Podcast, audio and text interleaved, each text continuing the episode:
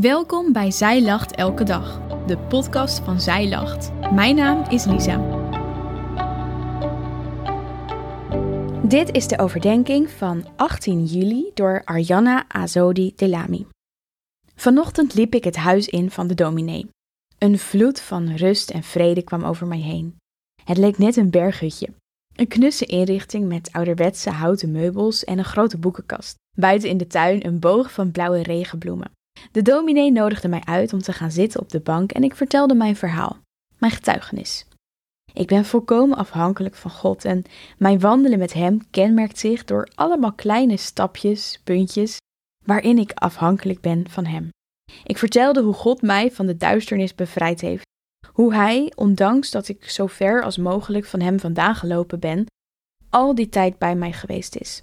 Hoe Hij mij heeft beschermd op de donkere plekken waar ik geweest ben. God was daar in mijn gebrokenheid. God was daar in mijn zoektocht. Hij was daar toen ik wegliep en verliet mij niet, terwijl ik Hem met alles wat ik gedaan en gezegd heb wel verliet. Zoals ook het volk Israël keer op keer God verliet, zo ook heb ik God verlaten. God heeft de weg voorbereid, terwijl ik dat niet wist. Hij heeft de zaadjes geplant, terwijl ik dat ook niet wist. God heeft mij stap voor stap geleid, terwijl ik dat niet wist. En hij heeft mij keer op keer beschermd, terwijl ik dat ook niet wist. God heeft mij teruggetrokken met zijn koorden van liefde. Ik weet dat ik zelf nooit mijn weg terug naar God zou hebben kunnen vinden als God niet al die tijd al van plan was geweest.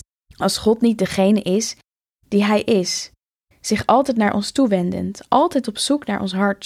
Hij heeft de leegte in mij gezien en mij zien zoeken in de wereld.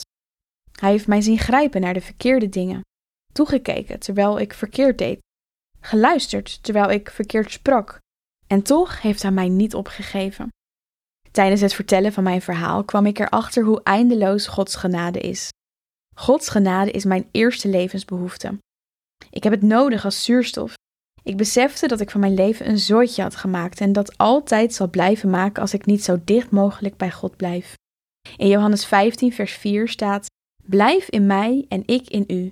Zoals de rank geen vruchten kan dragen uit zichzelf als zij niet in de wijnstok blijft, zo ook u niet als u niet in mij blijft.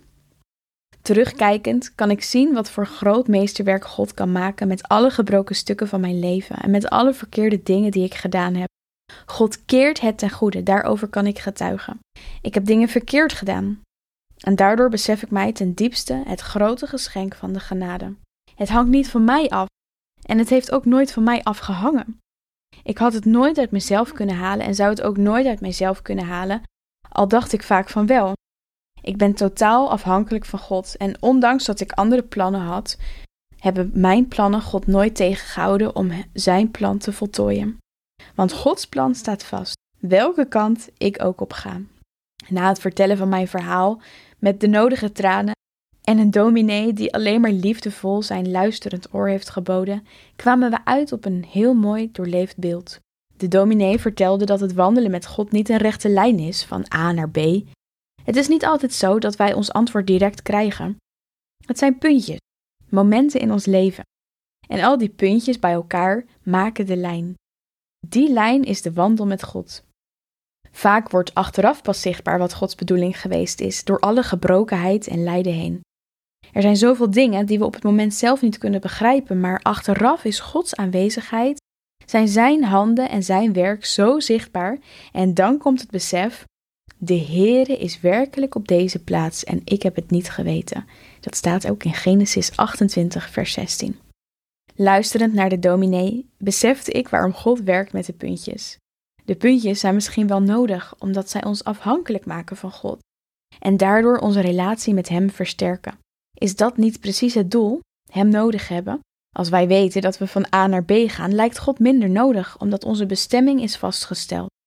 Maar met elk klein puntje zijn we afhankelijk van God om naar het volgende puntje te gaan. En zo ontstaat onze wandel met God, stap voor stap, puntsgewijs.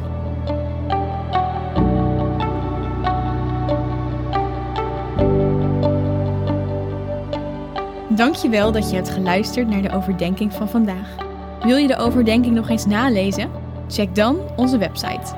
Je vindt daar ook nog meer toffe dingen die jou helpen om de Bijbel vaker te openen, zoals boeken, Bijbels, cursussen en evenementen. Morgen ben ik weer bij je terug met een nieuwe overdenking. Tot dan!